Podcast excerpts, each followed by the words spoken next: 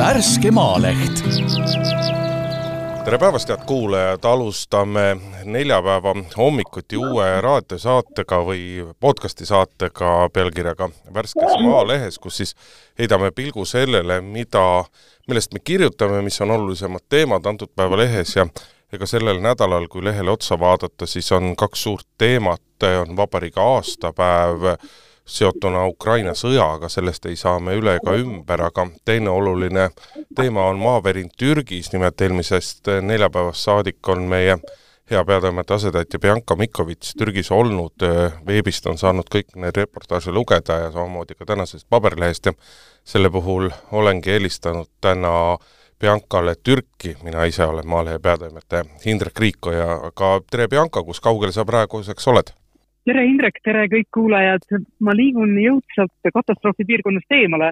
et saada lennukile, mis tooks mind koju, sest äh, sealses piirkonnas on praegu niimoodi asjad korraldatud, et pileteid antakse ainult Türgi enda kodanikele, et nad saaksid ära sõita.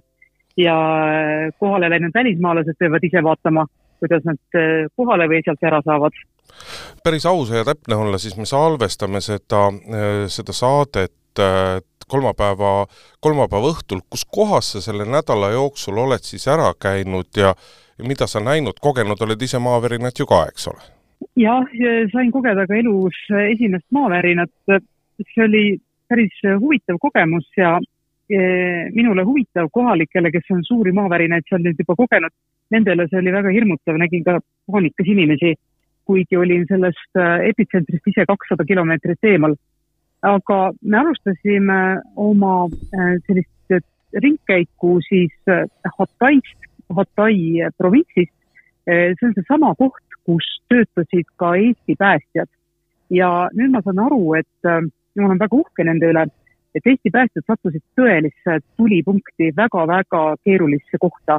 tööd tegema ja see on väga eriline, kuidas siin kohalikud inimesed on pisarateni tänulikud selle eest, et nii paljud riigid on tulnud meile appi ja pingutanud ja püüdnud, et neid natukenegi selles kohutavas katastroofis aidata. kui see nüüd liiga väiklane ei ole nii küsida, aga kui, kui sina sinna ühe noh, kohalike jaoks selgelt tundmatu Eesti riigi, veel tundmatu ajalehe esindajana lähed, aga nagu sa ütlesid, meie päästjad olid nädal aega ka seal kohapeal, kas Eestit eh, teatakse, kas on seda tähele pannud, et eestlased on ühest küljest käinud kohapeal abistamas, aga päris mitmeid kampaaniaid on ju Eestiski, kus korjatakse raha, korjatakse sooja riide, madratseid, asju, sest et noh, puudus on seal ju kõigest. jaa, tead, see on väga äh, tore, et nad tõesti teavad Eestit, mitte küll äh, võib-olla selle abi äh, järgi, mis me oleme praegu saatnud, sest see on piisk merre ja nagu sa ütlesid ka, et seda abi on väga-väga vaja, aga ma isiklikult kohtusin ühe äh, Izmiri mehega, tema on äh, baptisti liidu juht äh, Türgis, see on väga väike muidugi siin kristlaste kogukond. Ja, ja tema oli saanud just Eestist kätte annetuse kuskil neli tuhat eurot ja ta oli väga rõõmus selle üle, ütles, et kõik läheb tekkide ja madratsite peale. niimoodi, et ma olen ise, näitas mulle ka pilte, kuidas laetakse maha äh, asju juba koha peal niimoodi, et ma olen ise näinud, et Eesti inimeste annetatud raha eest on juba tekid ja madratsid kohal ja kasutuses päriselt ka. aga ja nad Eestit äh, teavad, oskavad lugeda Lätit ja Leedut üles, isegi teatakse Tallinnat ja, ja muudki veel. aga noh, sageli peab ka seletama, et ja, et see on seal Soome naaber ja nii. aga abiteemad on siin ka kohalikus meedias kogu aeg üleval ja sellest räägitakse näiteks soomlastest on räägitud, et et ja, et vot, et soomlased, et NATO suhtes me oleme küll olnud nendega eri meelt, aga nad tulid meile kohe appi ja soomlased saatsid eh, ahje ja telke ja eh, siis öeldigi, et näete, et, ikka Põhjamaa rahvas, et nemad saavad aru, kui halb on külmetada ja, ja tulid meile kohe ilusasti eh, oma nõu ja jõuga appi, et selle üle nad on väga tänulikud ja väärtustavad seda. ja muuseas, ka Ukraina on saatnud siia ühe päästemeeskonna ja kohalikud olid selle üle väga-väga rõõmsad, nad ütlesid, et näete, ukrainlastel on väga raske ka endal, aga sellest hoolimata nad tulid meile appi. ja nende suhtumine on olnud ka see, et, et jah, et praegu on meil tõesti väga raske, aga uskuge, kui teil on raske, küll meie aitame teid ka. et selline noh, koostöötahe ja, ja kuidagi nad ise on hästi kaastundlikud üksteise suhtes ja, ja nad kuidagi, nende jaoks on ka mõistetav see, et teised tahavad neid aidata, sest siit koha pealt vaadates see häda, mis neid on tabanud, on hoomamatult suur. Kuidas ilm ja kliima sealkandis on, et keskmine eestlane teab, et Türgi on hästi populaarne puhkuse sihtkoht, et päike paistab, meri on kogu aeg soe, aga tegelikult see ju nii ei ole? maavärina järgsel varahommikul ja päeval sadas vihma, isegi lörtsi ja kohe tulid osades kohtades miinuskraadid ja värskes Maalehes on ka trükitud ära foto äh,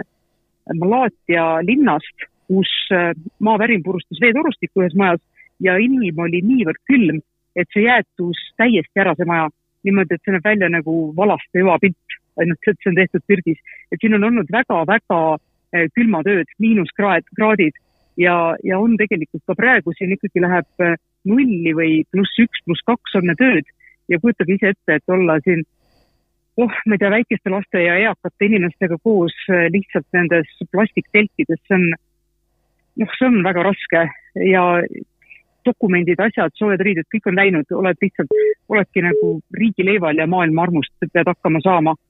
ikka väga keeruline, väga külm on, et ma ise praegu siin see koht, kus ma seisan, näiteks minust kaks meetrit eemal on lumehang, mis ei kavatsegi sulada. Rahvusvahelises meedias opereeritakse praegu hukkunute arvuga rohkem kui nelikümmend tuhat, seda siis Türgis ja Süürias kokku. koha peal neid numbreid vist keegi ei usu, et mis see tege-, mis need tegelikult hukkunute arvud olla võivad, suurem osa neist on ju siiamaani rusude all ja ja jumal teab, millal neid sealt välja kaevatakse nagu ma olen ise näinud neid rususid, betoon on lihtsalt tükkideks purunenud, ma ei, ma ei kujuta isegi ette, kuidas sealt otsida surnukeha. Tonne ja tonne ja tonne on peal. ja tõsi see on, et meile on väga paljud inimesed öelnud, et ka nende lähedased, nende sugulased on veel üles leidmata ja on ikka veel tegelikult kuskil rusude all. ja kohalikud ütlevad, et minimaalselt saab see arv olla kakssada tuhat. Nad siin arvutavad kokku, et palju näiteks korrusmajad kukkusid kokku, seal olid inimesed sees, et palju korrustel elas, palju seal majas elas, nad ütlevad, et see nelikümmend kaks tuhat jah, mis on praegu ametlik eh, hinnang, Türgi hinnang hukkunutele, et see on kindlasti liiga väike ja samas ma ei ole näinud ka ühtegi arvu, kus oleks öeldud, et mis on siis praegu teadmata kadunud eh, inimeste hulk. et aga ma arvan, et seda kindlasti noh, teatakse, aga see võib olla küll väga suur jah, et isegi kõige suuremad äh, noh, prognoosid on, mis ma olen kuulnud, et on arvatud, et võib olla kuni nelisada tuhat eh, hukkunut ja mis toimub Süürias,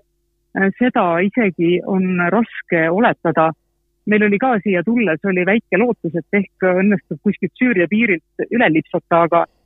selgus, et see olukord seal on eh, konkreetselt ohtlik ja, ja ei ole võimalik minna, et kuidagi kohtusime siin ühte rahvusvahelist telejaama, kes ütlesid, et nende inimesed on läbi Emiraatide saanud võimaluse sinna minna aga et seal on ka väga keeruline ja mis seal tegelikult toimub, et ei tea ja inimesed, noh, inimesed on väga kurjad, ütlevad, et äh, Türgi saab kogu abi endale ja, ja neid on kõik maha jätnud.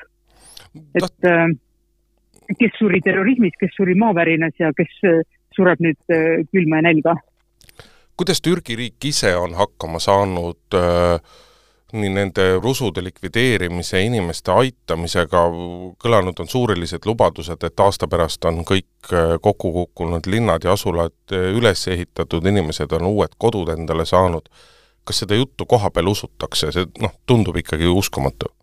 mõned usuvad, mõned ei usu, mõned on väga tänulikud, mõned ütlevad, et äh, kõik on väga halvasti. aga kui me ise vaatame siin kohapeal ringi, siis näiteks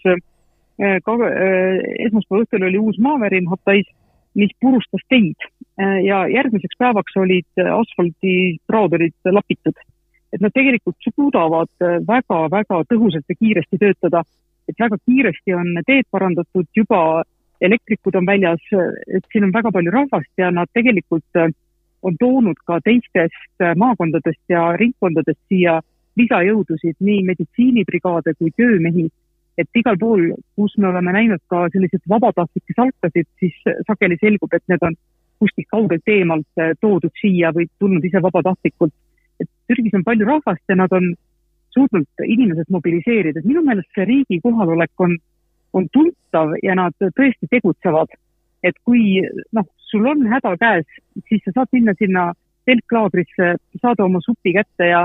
ja leitakse koht, aga probleem on selles, et paljud inimesed, nad ei taha oma kodu juurest lahkuda, nad kardavad, et sinna muutakse sisse, viiakse ära kõik, mis seal veel väärtuslik on ja, ja nad tahaksid olla telkida seal oma kodude juures ja siis nad ütlevad, et keegi ei anna neile telki, keegi ei too neile midagi, keegi ei aita neid. aga noh, katastroofi ulatus on nii suur, et ongi väga keeruline jõuda igale poole, aga minu meelest on, on Türgi riik suhteliselt hästi hakkama saanud, sest näiteks üks linn, kus me käisime, nelikümmend tuhat elanikku, täiesti maatasa, üleöö tuleb need kõik ära toita ja peavari leida. no ma ei tea, kuidas me tuleks Eestis toime sellega. seal tullakse kuidas on marodööritsemisega, kuidas on varast, varguste, kõige sellega, kas sellele on suudetud piir panna, sest et sellised noh, sellised suurõnnetused tõmbavad alati ka kriminaalset kontingenti ligi? jaa, see on täiesti olemas. Ja riik näitab väga võimsat musklit, kohad, kus ilmselt on olnud rohkem probleeme, nendes on hästi suured politseijõud väljas ja eh, noh, on meedias teada antud, et hoidku alt igaüks, kes tahab teist õnnetuse pealt kasu lõigata. Eh, aga nagu kohalikud rääkisid, et need vargad nagu suslikud poevad sinna varemete vahele ja kui isegi siis keegi kutsub žandarmeeria kohale, et noh, neid on väga raske sealt kätte saada, sest sinna varisemissahtlikusse majja ei saa ju järele ronida, et, et neil on noh, lihtne seal ennast peita ja loota, et midagi ei juhtu. aga siin eh, Süüria piiri lähemal rohkem noh, siin on tegelikult äh, seda muret, me oleme ikkagi kuulnud, et öeldakse, et relvastatud jõugud käivad ja käivad isegi telkides sees. ja, ja kui saadakse ka mõni kätte, et siis noh, palju teha ei ole midagi. et seda probleemi on jah, kahjuks. aga see, noh, see ei ole ainult, see ei ole ainult äh, selline asjade vargus, vaid see kasu saamine on ka nagu muul moel, näiteks äh, kuna nii palju elamispindu on hävinenud, siis üüriturule on tohutu nõudlus ja üürihinnad on tõusnud kolmekordseks, et ka seda on äh, valitsus meedia vaheldusel öelnud, et ei tohi teha niimoodi, et äh, inimesed on hädas, et, äh, et ei tohi püüda selle arvel rikastuda.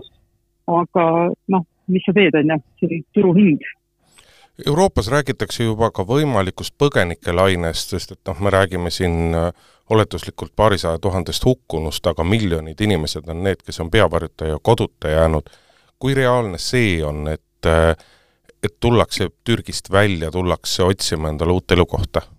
no praegu ametlikud andmed ütlevad, et umbes viissada tuhat inimest on evakueeritud piirkonnast. kohalikud ütlevad jällegi, et see arv on tunduvalt suurem. aga see võib olla ka nende tunnetus, sest äh, inimesed on liikunud väga noh, palju hulgaliselt mujale. aga, aga need, kellega me oleme siin rääkinud, nemad ütlevad, et nemad kuhugi ei lähe, see on nende kodu. Äh, nad kavatsevad selle üles ehitada see on nende pärand, siin on nende maad äh,, majad, kõik äh, puuviljasalud. et nemad ei taha kuhugi lahkuda, et nemad ikkagi usuvad, et äh, valitsus peab oma sõna ja ühel või teisel moel nad saavad siin oma elu jätkata, et nad, et vähemalt need, kellega olen sattunud rääkima, ei ole küll näidanud üles mingisugust soovi kuhugi teise kohta asuda teele. et see võib olla pigem tõukejõuks nendele, kes on salamisi juba ennegi mõelnud, et tahaks kuhugi teise kohta liikuda aga, aga sellist massilist soovi ära minna ma küll ei näe. pigem on probleem see, et, et kuna noh, Türgis on palju varasemast juba Süüria põgenikke, et kui nüüd uued oma inimeste põgenike voorid jõuavad kuhugi kohtadesse, et siis on, siis on keeruline neile nüüd seal kohta leida kui lihtne on Türgis endas sees nii-öelda selline sisemigratsioon, et minna kuhugile teise maakonda, teise piirkonda elama, kas siis põhja poole või, või, või itta-läände, kui vabad nad on liikuma? No see on selles mõttes lihtne, et kõikidel on väga suured suguvõsad ja need suguvõsad suhtlevad ja ikka kuskilt äh, maanurgast sa mõne tädi või onu leiad, kelle juurde minna ja kes aitab sul ennast sisse seada. et äh, iseasi, noh, siin on ka ikkagi maarahvas ja linnarahvas, et, et iseasi, kui hästi üks või teine siis äh, kohaneb kas linnas või maal. aga minu meelest just selle suure suhtlusvõrgu ja suguvõsade tõttu ei ole seal keerulist midagi kas keegi oskab seletada ka seda, et äh, miks see maavärin seekord oli nii suur ja miks need purustused olid nii suured, et tegemist on seismiliselt ju väga aktiivse piirkonnaga ja maavärinad kui sellised ei ole seal harulduseks, aga miks seekord on nii hullusti läinud?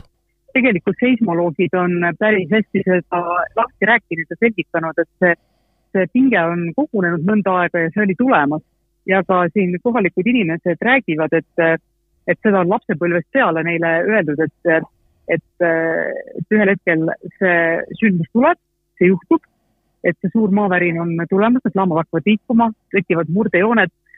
aga nad ka ütlevad, et kuna nad on terve elu seda jutu sees kasvanud, et ühel päeval tuleb suur maavärin, et siis nad kõik olid arvamusel, et jah, ühel päeval, aga mitte meie eluajal. et see, seda suurt õnnetust ehk meie silmad ei näe. aga see, et see tuli, see oli neile suur vapustus ja vapustus oli ka sellepärast, et neid kõiki on koolis õpetatud, kuidas maavärina puhul käituda. ja kui see tõeliselt juhtus selline suur-suur asi, siis nad tunnistavad, et äh, paanika võttis üle ja kõik õpiti ununes ja tehti väga palju vigu, tehti, käituti viisil, mis ei olnud õige, mida ei oleks tulnud teha ja see tõi ka palju hukkunuid. ja noh, muidugi ka see ehituskvaliteet on nüüd see, millest väga palju räägitakse, et seesama asi, et noh, kuna need kiirustades ja lohukalt tehtud ehitised olid need varasemad väikesed purinad üle elanud, et siis võetigi natukese kergemalt ja tehtud nii korrektset asja, kui, kui seismiliselt aktiivses piirkonnas peaks. et praegu noh, näiteks üks pilt, mida ma siin ka nägin, et keegi inimene oli ehitanud kolme seinaga maja.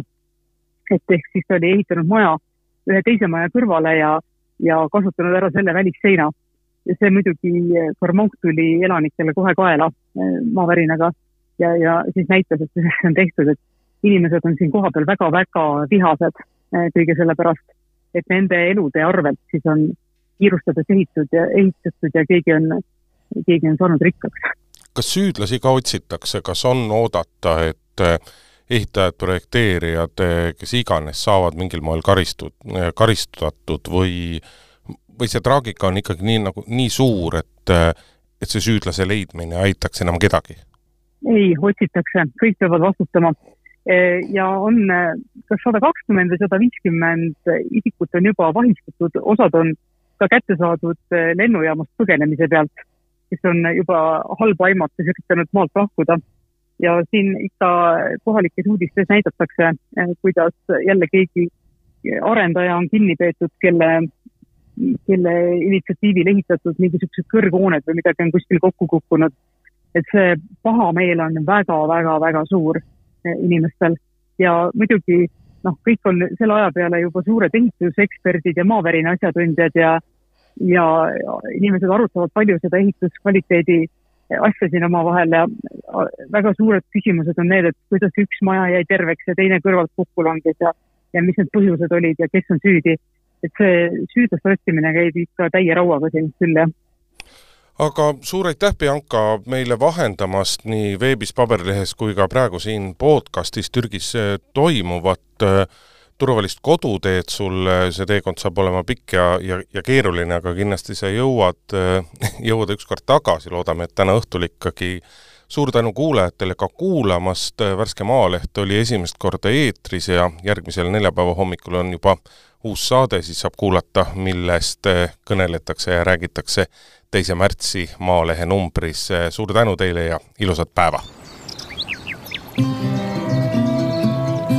värske Maaleht